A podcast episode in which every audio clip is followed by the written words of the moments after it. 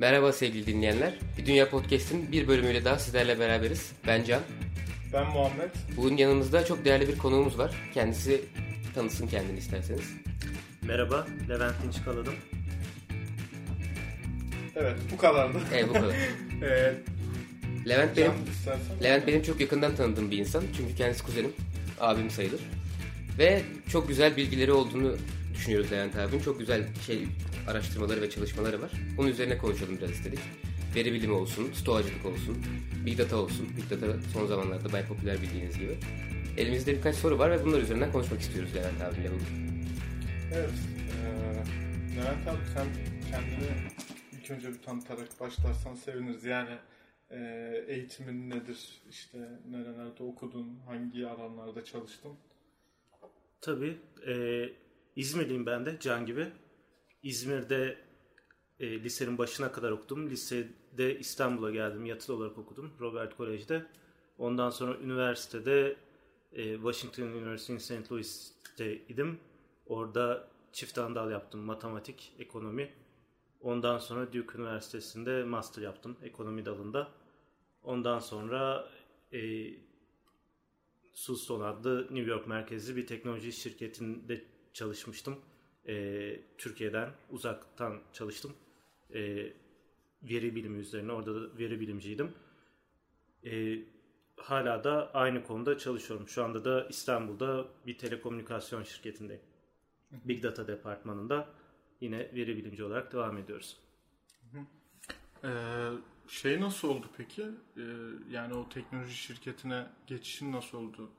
Matematik ve ekonomiden sonra hani data science'a nasıl girdin?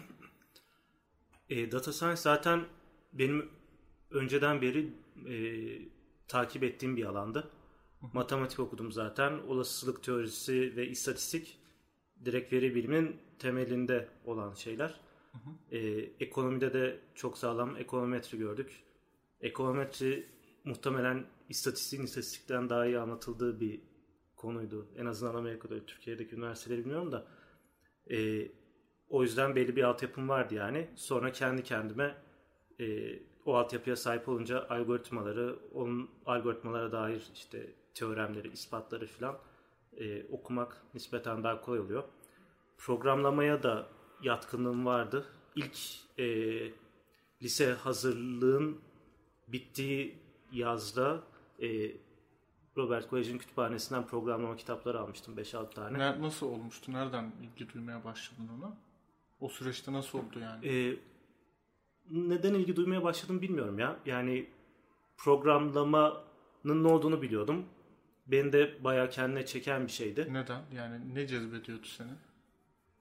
Bilgisayara bir şeyler yaptırabilmek herhalde. Bilmiyorum. Ee, Tam böyle benim sevebileceğim bir şey gibiydi ve de yanılmamışım da yani bayağı da sevmiştim. O sıralar bir de e, Microsoft .NET'i yeni çıkarıyordu. Delphi diye başka bir programlama dili vardı. E, ben de .NET ile ilgili birkaç tane kitap aldım işte kütüphaneden. Ondan sonra ilk önce Visual Basic, sonra C++. Böyle o yaz o yazda, böyle lise 1'e geçmeden önceki yazda bayağı okudum.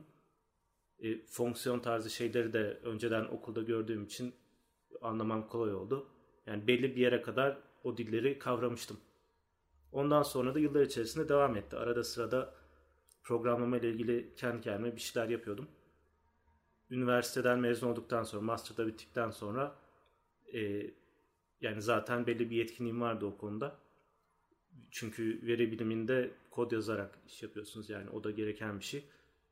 E, o da olunca matematik altyapısı da var. E, iş konusunda da aslında fena değilim çünkü ekonomi okumuştum. Hatta e, danışmanlık tarzı işlerle de ilgileniyordum. Ona mı girsem diye düşünüyordum da. E, o üçü zaten veri biliminin e, temeli gibi. Sonra e, bir programlama mail listesinde tanışmıştım. O teknoloji şirketinin sahibi dediğim bu arada Türktü. Bayağı da başarılı e, bir arkadaşımızdı. New York'ta yaşıyordu en son. Hala da oradadır herhalde. E, o da danışmanlıktan yükselmiş. Ondan sonra kendi şirketini kurmuş. E, Haskell diye bir programlama dili var. E, çok popüler değil ama matematikle çok bağlantılı bir programlama dili. Böyle akademisyenler zaten yapmışlar bunu. e, kategori teorisi alanıyla matematik içerisinde çok bağlantılı. E, ben de onu öğreniyordum zaten. Onlar da o dili kullanıyorlarmış. Mail listesinde böyle böyle çalışacak birini arıyoruz deyince ben de onunla konuştum. Telefonda konuştuk bir iki kere. Ben hala Amerika'dayken. Ondan sonra anlaştık. Ben o e, işte o şirkette çalışmaya başladım. Öyle başladık. Ben şey hatırlıyorum. Küçüklüğümüzden beri bilgisayarla ilgili ilk anılarım hep Levent abimle beraber. O bize bilgisayarı kullanmayı, açmayı, kapatmayı, oynamayı falan öğretmişti. Hatta küçükken biz Levent abi bilgisayarda işi bittiğinde gidip yattığında uyurken biz onun bilgisayarını kaçırıp biz bilgisayarı kurcalayıp oyun falan oynuyorduk. Benim anılarım öyle başladı yani küçüklüğümüzden beri. Levent abimin bilgisayar şeyleri, hikayeleri var. Ya bazı bilgisayar oyunları çok önemli olabiliyor ya. Ben mesela hani böyle çok hardcore bir e, tarih meraklısı değilimdir ama hani az buçuk bir tarih merakım varsa da şu an e, Age of Empires sayesindedir. E, o Age of 2 diyeyim hatta direkt. Hı. O Age of'u e, oynamaya başladıktan sonra gerçi ilk önce Age of 1 ile başlamıştım ama Age of Empires 2'de işte ilkokul 3'ün e, Şubat tatilinde oyna, oyun, onu oynamaya başlamıştım. Sonra onunla başlayan böyle bir tarih merakı hala daha devam ediyor. Senin mesela öyle bir seni çok etkileyen bir bilgisayar oyunu var mıydı o zaman? Vardı. Age of'u ben de oynadım baya. Strateji oyunlarını seviyorum ben zaten. Age of'u da e, yani biz şeyde lisede yatakhanede de bayağı oynuyorduk. Bir bilgisayar odamız vardı. 6-7 kişi giriyorduk. Oynuyorduk yani. Takımlara ayrılıp. Bayağı güzeldi. E, onun dışında hatırladığım bilgisayar oyunlarından şey var. Sim, SimCity var. SimCity'yi de bayağı severdim. E, o sırada İngilizcem çok yok gibiydi ama yine de anladığım kadarıyla oynuyordum yani. Hoşuma da gidiyordu. Onun dışında bir de Neverwinter Nights vardı. O janrayı da bayağı seviyorum. Şey, e, fantasy role playing. Rol yapma oyunu aynen. Bir de tabii sivilizasyon var onu da unutmamak lazım. Ha, Civilization, hala Civilization hala oynuyorum. Evet. yani kuzenler arasında da oynuyor sürekli. Öyle, bir, öyle. bir araya gelince. Hadi ya. Hı hı. Dört kişi toplanıp dünyayı fethediyoruz yani özetle. Gayet keyifli oluyor. Vay be. Age of hala oynuyor musun? Age of yani son birkaç yıldır oynamadım ama önüme gelse oynarım. Affetmem. İyi ya bu e, böyle bir plan yapalım bir ara ya. Bir Age of oynayalım valla. Oynayalım valla. Ama yani sanki sen çok iyi oynuyormuşsun gibi bir izlenimim var nedense. Valla bana zayıf oyuncuları veriyorlardı benim takıma. o derece iyiydim yani. Hani takım şey dengelensin diye sana zayıfları veriyorlar. Öyle iyiydim yani. O, konuda alçak gönüllülük yapmayacağım. Hangi şey alıyordun e, millet? Ben İngilizleri seviyordum orada.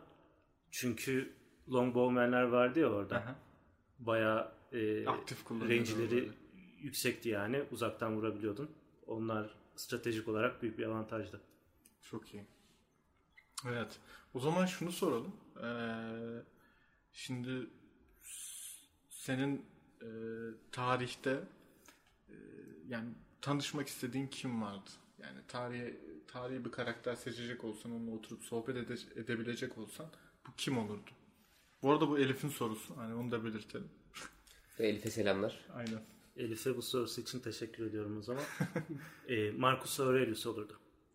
Eski Roma İmparatoru. Neden o olurdu? E, Marcus Aurelius'un düşünce yapısı, e, ait olduğu felsefi akım, e, yazdığı şeyler genel olarak beni etkilemişti hayatım boyunca. Şimdi de e, yani onunla konuşup işte böyle spesifik bir konuda değil de kendi hayatımı anlatıp işte sen ne düşünüyorsun falan gibi fikrini almak isterdim. Marcus Aurelius'un en büyük hangi özelliği seni çekiyor? Yani konuşmaya itiyor. Yani Ordusu olması. Ee, en büyük hangi özelliği? Ee, yani stoacı felsefe zaten başlı başına bir şey. Bir de belki de oradan gelen karakteristik bir asaleti var bence o adamın. Hmm. Ya zaten tarih boyunca da bayağı önemli figürler onu okumuşlar. George Washington var. İşte çeşitli çeşitli krallar, komutanlar. Yani hep okumuşlar zaten. Bence de hala okunmayı hak eden bir yazar. Ki aslında yani kimse okusun diye de yazmamış ironik olarak. Kendi kendine günlük tutuyormuş. Günlüğünü okuyoruz. O sonra yanlışlıkla mı çıkmış ortaya? Nasıl olmuş ki? Öldükten sonra e, yayınlıyorlar. E, o öldükten sonra çevresindekiler yayınlıyor. Ona karar veriyorlar. Peki e, stoacılığı hani seni çok etkiliyor. O, o alanda yaz, yazıp ettikleri seni etkiledi sanırım. Değil mi? Yani sen e, tarihe olan merakından dolayı mı Marcus Aurelius'la karşılaşmıştın ilk yoksa e, felsefedeki ilgi, ilgi alanından dolayı mı? E, tarih şey, ala, olan alakamdan dolayı muhtemelen. E, antik tarihi seviyorum ben baya. ilgiliyimdir. O konuda da baya bir şey okumuştum. Yani Sümerliler, Babililer, Asurlar filan o kısım var zaten. Onun üstüne antik Yunan'ı filan da severim ama Roma dönemi bence e, oldukça özel bir dönem dünya tarihinde. Sanki dünyada yaşanılabilecek her şeyin bir kere yaşandığı bir dönem gibi yani. Şu an yaşıyorsanız orada bir benzerini bulabiliyorsunuz. Hı hı. E, o yüzden o dönemi seviyorum. Marcus Aurelius da iyi imparatorlar dedikleri bir dönem var. O iyi imparatorların sonuncusu. Hmm. Şey olarak da çok başarılı. Yani zaten e, yani bir devlet adamı olarak, asker olarak çok başarılı değil mi? Yanlış Öyle. Bilmiyorum. Ya Marcus Aurelius aslında e, bir önceki imparatorun manevi oğlu gibi E, evlat ediniyor yani Marcus Aurelius'u özel olarak imparator olması için de hazırlıyor. E, baktığın zaman aslında adam hiç imparator olmak isteyen bir adam değil. Devamlı kendi tuttuğu güncesinde de yazıyor. Aslında istediği şey böyle insanların olmadığı bir yere gitmek. Muhtemelen gidip böyle kırsalda bir evde, e, bir villada falan oturup orada yaşlanmak isteyen bir adam yani. Hı hı. Ama kendisine o görev verildiği için gidiyor e, şey yapıyor. Savaşlarda e, kendini heba ediyor yani hayatı boyunca. Pek mutlu olmamış yani hayatında maalesef ama istediği bir işte uğraşmıyor yani. İstediği bir işte uğraşmıyor. Hı hı. Mutsuz, insanları sevmiyor. Durumdan bayağı şikayetçi yani. Ee, ama işte Fransızların dediği gibi selavi. Hayat böyle bir şekilde dayanmanın yolunu buluyor. E, bundan dolayı herhalde stoacı oluyor o da değil mi? Yani bu bu, bu yaşamın e, yani ancak bu şekilde herhalde kurtulabilir. Aslında bayağı gençliğinden başlayan bir şey var. Yani daha bu işleri yaşamadan önce yani hayatı boyunca bir sürü acı şey yaşıyor Marcus Aurelius. O ayrı da böyle çocuklarını kaybediyor. Hı-hı. Karısı işte bir ara bunu öldü sanıp başka e, biriyle beraber oluyor filan. Öyle saçma sapan dönemler oluyor. E, oğlu çok kötü çıkıyor. Zaten sonra imparatorluğu batırıyor biraz. E, ama Marcus Aurelius'un çocukluğundan, gençliğinden geliyor bu muhtemelen. Hatta gençken de diyorlarmış yani felsefeye çok e, kendini veriyor bu arkadaş gibi. Yani birazcık da devlet işlerine kanalize olsun gibi. E, ünlü bir hocası vardı. Zaten e, Meditations kitabında da baya teşekkür ediyor o hocaya arada sırada. E, baya bir şey öğretmiş. O ünlü hoca da muhtemelen başka stoacı felsefecilerden öğrenmiş onlar. İşte Epiktetus'tan falan Seneca'dan o civarlarda e, olan diğer e, şeylerden, filozoflardan, Musonius Rufus tarzı e, diye, diye bir insan da vardı. O da ünlüydü. E, öyle yani. Şey de çok enteresan yani, yani Roma İmparatoru da olsan böyle çok e, herkesin yaşadığı bir takım sorunlar yaşıyorsun. Yani işte kimisi istemsizce işte aile işinin başına geçmek zorunda kalıyor. Kimisi işte istemediği bir meslekte. Bu arkadaş da istemeye istemeye Roma İmparatoru oluyor. Yani hani çok, çok enteresan yani. Ben ne bileyim hadi şey diyorlar yani etrafındakiler onu nasıl nasıl nasihat ediyorlar hani mesela şimdi işte ilk önce mesleğini eline al hmm. işte ne derler sigortalı bir iş olsun falan onu da hani ilk önce bir imparator ol sonra bakarız falan hani. Kimseye de diyemezsin ben imparator olmak istemiyorum balıkçı olacağım diye. Desen mahvederler yani. Öyle. Çok enteresan bir şey yani. Ama yani aslında iktidara iktidarda olması en iyi olacak olan adam tipi orada olmak istemeyen adam. Yani onun hayatını mahvediyorsun ama baya başka birinin hayatını kurtarıyorsun. Çünkü yani iktidarı e, yani iktidarı ele geçirmek için gereken özellikler genelde böyle acımasızlık, ben merkezcilik falan gibi şeyler oluyor. Hı hı. E, ama iktidardayken o özellikler yönettiğin kişiler için iyi değil. İktidardayken verici olman lazım iktidarı alana kadar ama alıcı olman lazım falan. Yani o Marcus Aurelius'un tabi e, yani yuk- yukarısından gelen bir emir imparator olması. O yüzden e, onun seçtiği bir şey değil. O yüzden e, bir iktidar savaşı vermek zorunda kalmamış. Çünkü muhtemelen iktidar savaşına ya girmezdi bile. Girseydi de kazanamazdı muhtemelen. E, çünkü adamın kafası öyle çalışmıyor yani. Ama iktidarı aldıktan sonra son derece güzel bir şekilde hüküm sürmüş.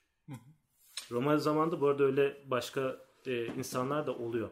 Yani çok kötü imparatorlar var ama çok iyiler de var. Bir tanesi var mesela e, Roma'nın krallık zamanında bu galiba da e, ada- adam ünlü bir askerdi galiba. Bir savaş çıkıyor. Romalılar bunu kral yapmak is- istiyor. Çünkü adam çok iyi bir general falan. E, yapıyorlar. Sonra savaşı kazanıyor. E, tekrar çiftçiliğe geri dönüyor. Yani hiç kalmak istemiyor yani. Allah Allah.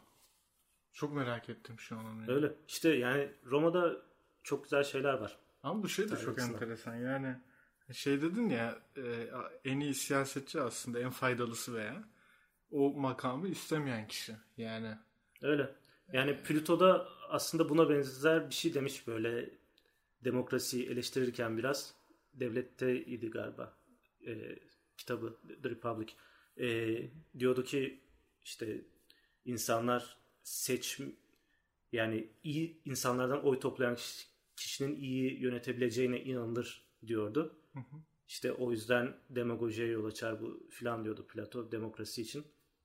E, yani haklı kısımları da yok değil tabi. Ama her zaman Marcus Aurelius gibi bir imparator da gelmiyor diğer yandan. evet peki e, şimdi stoacılıktan biraz konuşalım o zaman. Sen ona da ilgi duyuyorsun herhalde anladığım kadarıyla. Doğrudur. Bayağı da ilgi duyuyorum. Peki o zaman yani dinleyicilerimiz için ilk önce hani böyle çok simple bir böyle tanım yapmak gerekirse stoacılık nedir? İlk nasıl başlamıştır filan bu konularda böyle bilgi verebilir misin? Tabi Stoacılık antik Yunan'dan gelen yaşam felsefesi akımlarından bir tanesi. Stoa e, şey demek. E, porç demek. Nasıl de, Taraça mı? e, şey e, bu pazarda e, şey mermerden bir şey e, binanın önündeki e, yer yani orada durup konuşuyorlarmış E, boyalı e, şey ne oluyor avlu mu Tamam. oluyor Taraça Öyle bir bir şey dene diyebiliriz. Levha. İşte e, oradan alıyor yani ismini. Zeno Sitium şehrinden Zeno diye bir biri kurmuş stoacılığı. E, At- Atina'ya e, mallarını satmak üzere geliyor. E, zengin bir tüccar kendisi. Ondan sonra gelirken ama gemileri batıyor. Kendisi Atina'da yani parasız kalıyor. Sonra orada e, başka bir felsefe akımına akımının hocalarını görüyor. Onlardan ders almaya başlıyor. O akımla da sinisizm diyorlar işte sinikler diyorlar galiba. E, sinikler birazcık daha şey e, daha manastırvari diyeceğim de manastırda da yaşamıyorlar aslında. Yani hiçbir şekilde materyal sevmeyen insanlar. Biraz radikaller yani. E, ama yine de onları e, bayağı seviyor Zeno anlaşıldığı kadarıyla. Zaten stoacılıkta da etkisi var. E, ondan sonra bir süre sonra ayrılıp kendi felsefe okulunu kuruyor. Stoacılık kuruluyor. E, tanım olarak içerisinde bir sürü şey var da e, özü herhalde kontrol edebildiklerinde edemediklerini ayırmak. Kontrol edemediklerini olduğu gibi kabul etmek. E, yani şeye benzetirler. E, kaderi bir ata benzetirler. Sen de ata bağlı bir mahkum gibisin. At koşacaksa yani ya ayağını sürerek e, direnmeye çalışabilirsin. O zaman at seni sürükler ya da atın yanında koşabilirsin. O zaman yani yine gideceğin yer her şekilde aynı ama birinde sürükleniyorsun, diğerinde kendi rızanla gidiyorsun gibi durum var. Yani her zaman o kadar karamsar değil tabii de e, yani kontrol edebildiğin şeyler hayatta e, bir başka bir kategoride. Onları kabul etmen lazım. Kontrol edebildiklerin var bir de değiştirebileceklerin. Onları da değiştirebilmen lazım. E, ve de genel olarak e, e- erdemli bir insan olmanın e, hayatta mutluluk için, mutluluk da değil tam olarak eudaimonia dedikleri şey Yunanların kendini gerçekleştirebilme denilebilir herhalde. Eudaimonia için e, gerekli ve yeterli tek koşul olduğunu düşünüyorlar Erdem'in. Ki bu genelde e, düşünülen bir şey değil. Aristo mesela öyle düşünmüyor. Yani bazı şeyler başına gelirse ne olursa olsun mutlu olamazsın gibi düşünüyor. E, Stoacılar öyle düşünmüyor mesela. Stoacılar ne olursa olsun mutlu olunabilecek bir formülü mü var Stoacıların elinde? Ya Yani işte ne olursa bu- olsun kısmı yani başına ne gelirse gelsin dediği zaman Aristo aslında şeyden bahsediyor. Dışarıdan gelecek ve kontrol altında olmayacak şeylerden bahsediyor. Mesela işte o zamanlarda çok moda olan bir şey tabii e, sürgün edilmek. Ha- e, bir haksızlığa uğradın, sürgün edildin. O zaman mesela Aristo diyebilir ki bundan dönüş yok artık. Yani e, bir İncel mutlu diğerden olma- kopsun. yani mutlu olmanın bundan sonra bir yolu yok diyebilir. Stoacılar da diyebilir ki sen kendi kontrol alanına bak. Erdemli bir insan gibi yaşa. Yani er, ve de senin kontrolünde olmayan şey senin için hiçbir değer ifade etmesin. Yani aslında bu Marcus Aurelius'un da bir sözü var galiba. Ee, nerede olsa yaşarım diyor aslında. Yani daha doğrusu şey diyor. Daha iyi ifade etmişti de e, yaşanılabilecek her yerde iyi yaşanılabilir gibi bir söz var mesela. Yani çünkü kendi etrafında olanlara ve kendi kontrolünde olan şeylere konsantre olursan ve yapabileceğin en iyisini yaparsan ondan sonra e, kalanları işte e, şey yaparsan yani sabırlı bir şekilde kabul edersen mutlu olmamak için bir neden yok gibi bir düşünüş var stoacılıkta.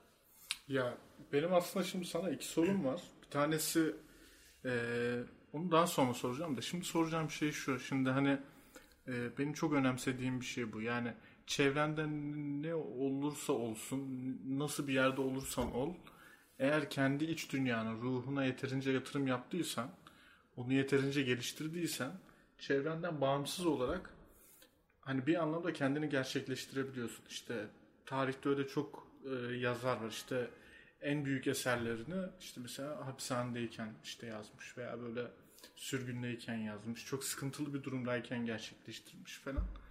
Ee, yani bu acayip önemli bir şey. Peki bu nasıl yapılır? Mesela sen kendi hayatında bunu uygulayabildin mi? Ya bunu uygulamak için bir şeyler yapıyor musun?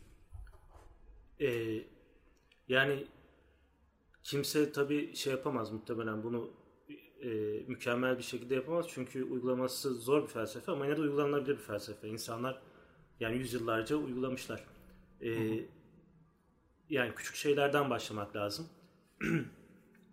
yani stoacılığı da tam olarak şu an ama e, mesela şey var. E, güzel şeylerden e, ölçülü olarak faydalanmak, kötü şeylerden kaçınmak gibi e, bir ilke var. Böyle birkaç tane, üç tane disiplin türü var aslında. Bir tanesi yaptıklarının yani şey e, arzuların disiplini diyelim hadi. E, arzuların disiplini dediği de e, mesela yemek yiyeceksen, tatlı yiyeceksen mesela tatlıyı fazla kaçırmamak gibi günlük bir örnek verebiliriz yani. E, e, arzu dediğin şeyleri e, arzuladığın şeyleri birazcık kısıtlıyorsun ki e, onlar elinden alınırsa üzülme sonradan. Yani böyle bir şey var. Bir de yapman gereken ama yapmak istemediğin şeyler çalışmak mesela ya da e, egzersiz yapmak, bir şey için hazırlanmak.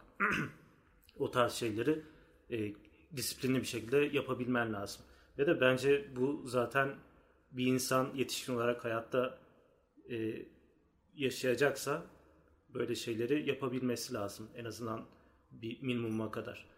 E, stoacılık işte bunun daha sistematik bir şekilde pratik edilmiş bir versiyonunu öneriyor. O bir disiplin. Onun dışında insanlarla olan ilişkiler, e, sosyalliğe işte bayağı önem veren bir tayfa stoacılar. E, Marcus Aurelius zaten imparator. E, Epictetus dediğim şey öğretmendi zaten. Bayağı insanlarla içi dışlı. Seneca hem tüccar hem e, tiyatro yazarı hem de politikada e, oldukça fazla görev almış biri. Yani sosyal hayatları var ve de e, insanoğlunun e, bir bütün olarak birbiri için yaratıldığını düşünüyorlar. E, kozmopolitan kelimesi e, stoacılardan çıkmış olabilir. Yani dünya şehri gibi. E, hepimiz bir dünya şehrinde yaşıyoruz. Yani nerede olursa olsun, hangi ırktan olsun, hangi ülkeden olursa olsun e, hepimiz birbirinin kardeşiyiz ve de e, insanlara bu bilinç ile yardım etmek lazım gibi bir e, anlayışı var. Marcus Aurelius'u okuduğunuz zaman göreceğiniz bir şey adam hiç insanlardan haz etmiyor. Yani etrafında kimseyi sevmiyor. E, bir tane pasaj vardı hatta o ünlüdür. Bugün sabah kalktığın zaman e, küstah, nankör, e, kötü kalpli, iç arkandan iş çeviren e, insanlarla karşılaşacaksın diye böyle başlıyor. Baya bir nefret kusacakmış gibi.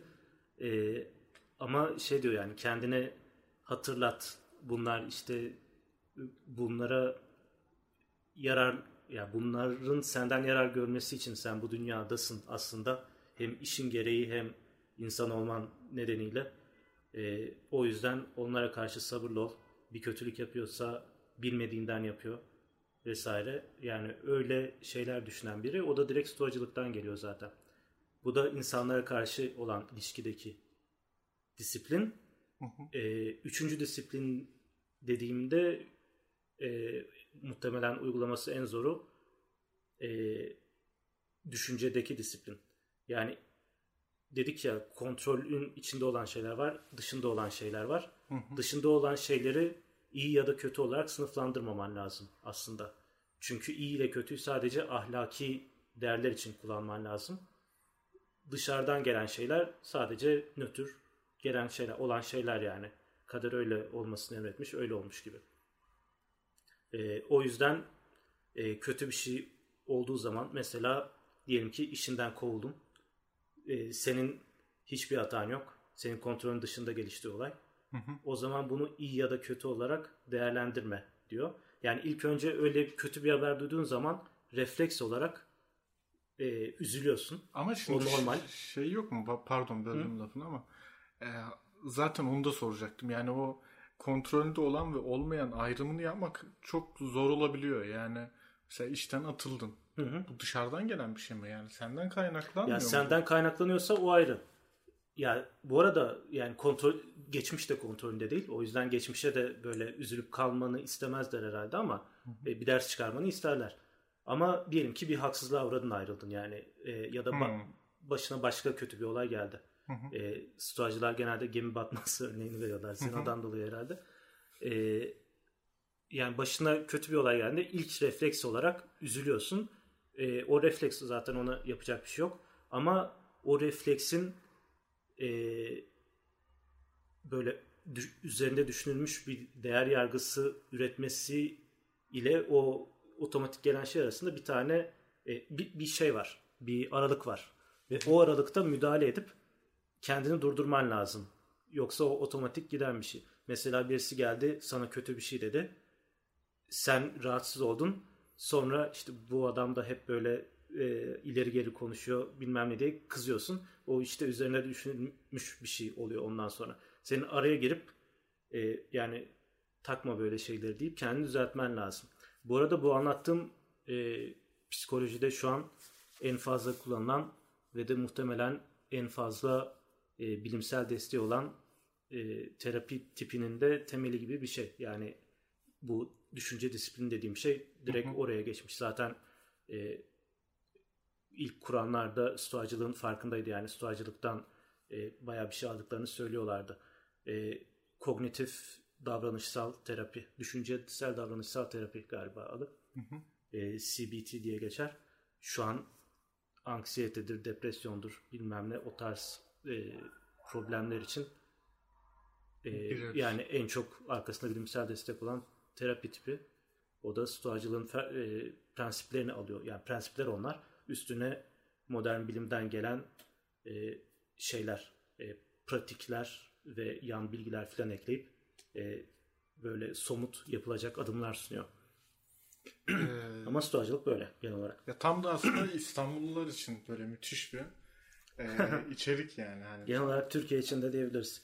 Tabii canım Türkiye için ama İstanbul için hani böyle tam oturuyor ya değil mi? Hani İstanbul'da böyle ara- belirsizlik araba var, kullanıyorsun kargaşa özellikle. var. Yani gün içerisinde karşılaştığın insan tipi inanılmaz. Yani kaba, bencil birçok insanla sürekli aynı ortamı paylaşmak durumunda kalıyorsun. Hele hele toplu taşım, toplu taşıma kullanıyorsan. Yani sanki böyle İstanbullular için bir böyle stoik rehber hazırlasa birisi. Böyle Öyle. Yani Türkiye'de özellikle e, değiştirmeye gücün yetmeyeceği ama insanları oldukça üzen şeyler devamlı oluyor. İşte öyle şeyleri yani insanlar tabii görmeli, e, yok saymamalılar ve de değiştirebiliyorlarsa bir şekilde aktivizmle vesaire bir şeyle onu yapmalılar. Ama çok da duygu durumunu e, etkilemesine izin vermemeliler aslında. Yani şey örneği var aslında Türklerin futbol konuşma sevdası. Futbolla ilgili hiçbir şey değiştirmemeyecek olmamıza rağmen maçlar oynanıyor ve bitiyor. Puanlar kazanılıyor ya da kaybediliyor. Onun üzerine biz günlerce konuşabiliyoruz futbolda. Şu böyle oldu, şu penaltı çalınsa ne olurdu, offside olmasa ne olurdu. Ama belki de işimizi buna kanalize edeceğimize ya düşüncelerimizi başka bir şey kanalize etsek çok daha verimli insanlar, çok daha ne dedim işte erdemli insanlar olabiliriz yani Türkler olarak. Olabilir. Ya futboldan konuşmayı Örnek olarak. konuşmayı seviyorlar, zevk alıyorlar ondan. O bir Ha, ama şey. zarar veren tipi herhalde siyaset biraz da. Yani siyasi şey ya biz podcast olarak siyasi mevzulara girmiyoruz da hani en azından şunu söyleyebiliriz herhalde. Yani siyasi mevzulardan dolayı yani toplum o kadar politik bir toplum ki Türkiye'de çok yani gereğinin çok üzerinde insanlar bunu konuşuyor ve inanılmaz canlarını sıkıyorlar. Yani bu hangi taraftan olursa olsun bence değişmeyen bir şey bu. Ve harbiden de saçma yani çünkü Avrupa toplumlarına bakıyorsun veya Amerika'ya bakıyorsun hayatlarının ya en azından çok ciddi bir kesim için hayatlarının çok ufak bir kısmını ilgilendiren bir mevzu ve öyle de olması gerekir aslında. Öyle. Ya tabii oralardaki problemler buralardaki kadar büyük de değil diğer yandan ama yine de e, yani insanların e, duygusal olarak rahatsız olmaları kötü. Ve de ya duygusal olarak rahatsız olunca bir kısım diğer kısmı daha da kötü gaza getiriyor gibi. E, yani insanlar böyle birbirlerini e, rahatsız eden depresyona sürükleyen zincirleme bir şekilde bir hale geliyor. Türkiye'de zaten genel olarak e, zihinsel hastalıklar konusunda depresyondur, anksiyetedir filan e, trend çok iyi değil diye okumuştum. Öyle mi? Gitgide artıyor herhalde. Öyle. Peki şeyi soracağım. Şimdi bu e, stoacı felsefenin hani kendine bir dizginleme e, tarafı var ya yani kendini kısıtlaman gereken taraflar olabiliyor günlük hayatında veya genel olarak. Senin böyle en çok zorlandığın alan ne? Böyle kendini kısıtlarken en çok zorlandığın şey ne? Kendini kısıtlarken en çok zorlandığın şey ne?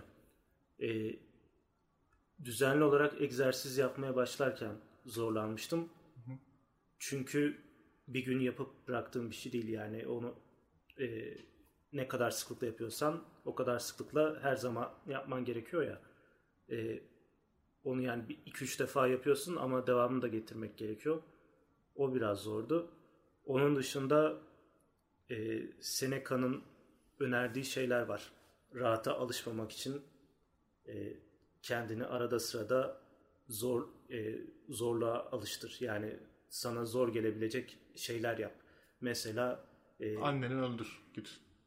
anneni öldür gibi değil de annen Bilemedim yani. O Şimdi biraz ağır oldu. çok sanki. hardcore bir şey gerçekmiş gibi böyle. aslında gerçeğe yakınsın biraz da öyle sevdiğin kişilerin öldüğünü arada sırada hayal et derler. Evet aynen. Stoacılık. E, daha pratik olarak şeylerde e, şeyde diyor yani mesela yatağında yatma zeminde yat. Hmm. ya da iyi şeyler yeme, çok basit şeyler ye. Hı hı. Çünkü böyle şeyleri yaptıktan sonra ya bunları yapan arada sırada ve de bu koşullardan rahatsız olmamaya başlayan biri ondan sonra fakir olmamaktan da, fakir olmaktan da korkmamaya başlar. Yani oradaki mantık şu. Sen mesela şimdi bir işte çalışıyorsun. Etik dışı bir şey gördün. Ama bunu birine söylersen işini kaybedebilirsin. Ya çoğu insan söylemez mesela günümüz Türkiye'sinde bana öyle geliyor en azından. Evet. Ama baktın böyle parasızlığı biliyorsun. Yani o paran varken parasızlık hakkında tecrübe sahibi oldun. Ve de çok da korkutmadı seni. Yani yapıyorsun, korktuğum bu muymuş diyorsun Seneca'nın dediği gibi. Ondan sonra e, böyle bir şey- olay olduğunda işte vesaire etik olan yolu seçme ihtimalin artıyor. Mantık Hmm. bu. Ya bu çok müthiş bir şey yani e, ne bileyim birçok dinde mesela işte e, oruç tutma var işte herhalde onun, onun da mantığı aynı değil mi yani kendini yani a- a- açlığa daha güçlü bir hale getiriyorsun. Aynen öyle.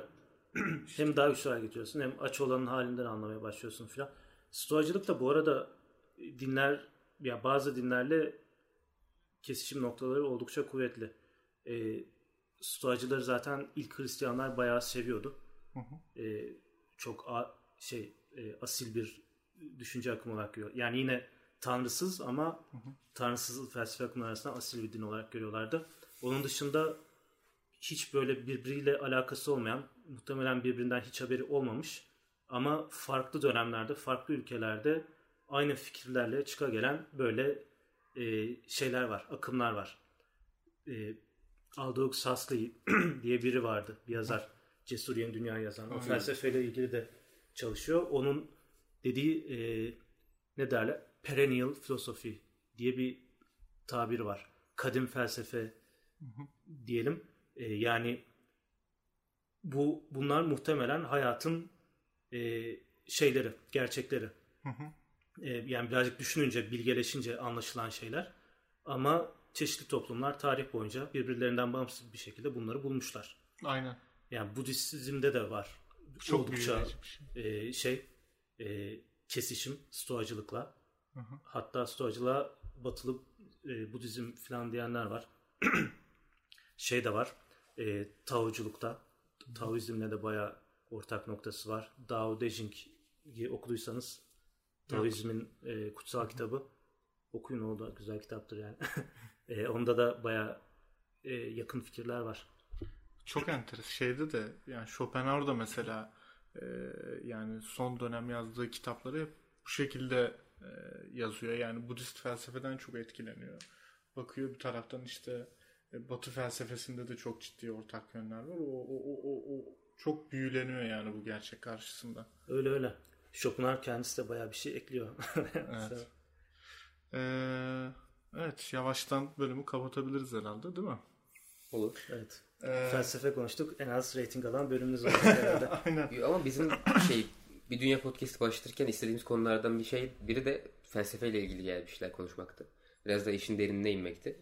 Bunu da seninle başlatmış gibi olduk. Yani bizim için çok iyi oldu. Aynen. ya felsefe aslında çok güzel bir şey. Maalesef çağdaş felsefe e, pek bir işe yaramıyor. Antik zamanlarda insanlar felsefe deyince hayat nasıl yaşanır, etik nedir, nasıl davranmalıyım falan gibi şeyler anlıyorlar. Yani direkt oradan günlük yaşamda kullanılabilecek pratik tavsiyeler çıkıyor. Şimdi burada e, yani oldukça detay şeyleri tartışıyorlar genelde akademisyenler.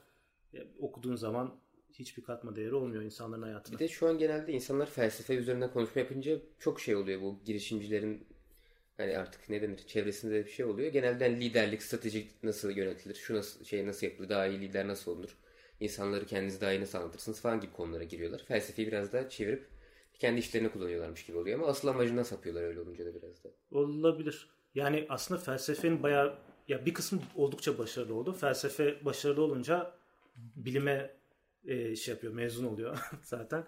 Fiziktir filan. Hatta bak şurada şey var. Newton'un e, Philosophia Naturalis Mathematica diye bir kitabı var.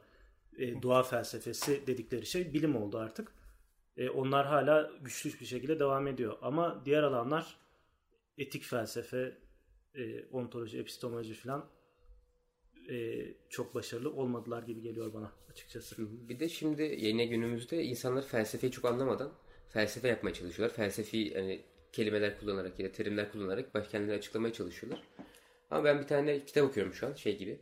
A Brief History of Thought'tu galiba şey. Düşüncenin kısa tarihi. Belki sen okumuşsundur bilmiyorum. Orada şey diyor felsefe aslında insana nasıl yaşaması gerektiğini değil nasıl ölmesi gerektiğini ve ölmeden önce yapması gerekenleri falan anlatıyormuş biraz da ondan bahsediyor. Ama bunun çok anlaşıldığını sanmıyorum ben günümüz dünyasında.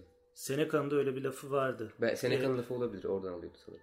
E, ya hayatın boyunca nasıl ölmen gerektiğini birkaç defa prova etmen lazım. Yani hayatın boyunca onu öğrenmen lazım gibi.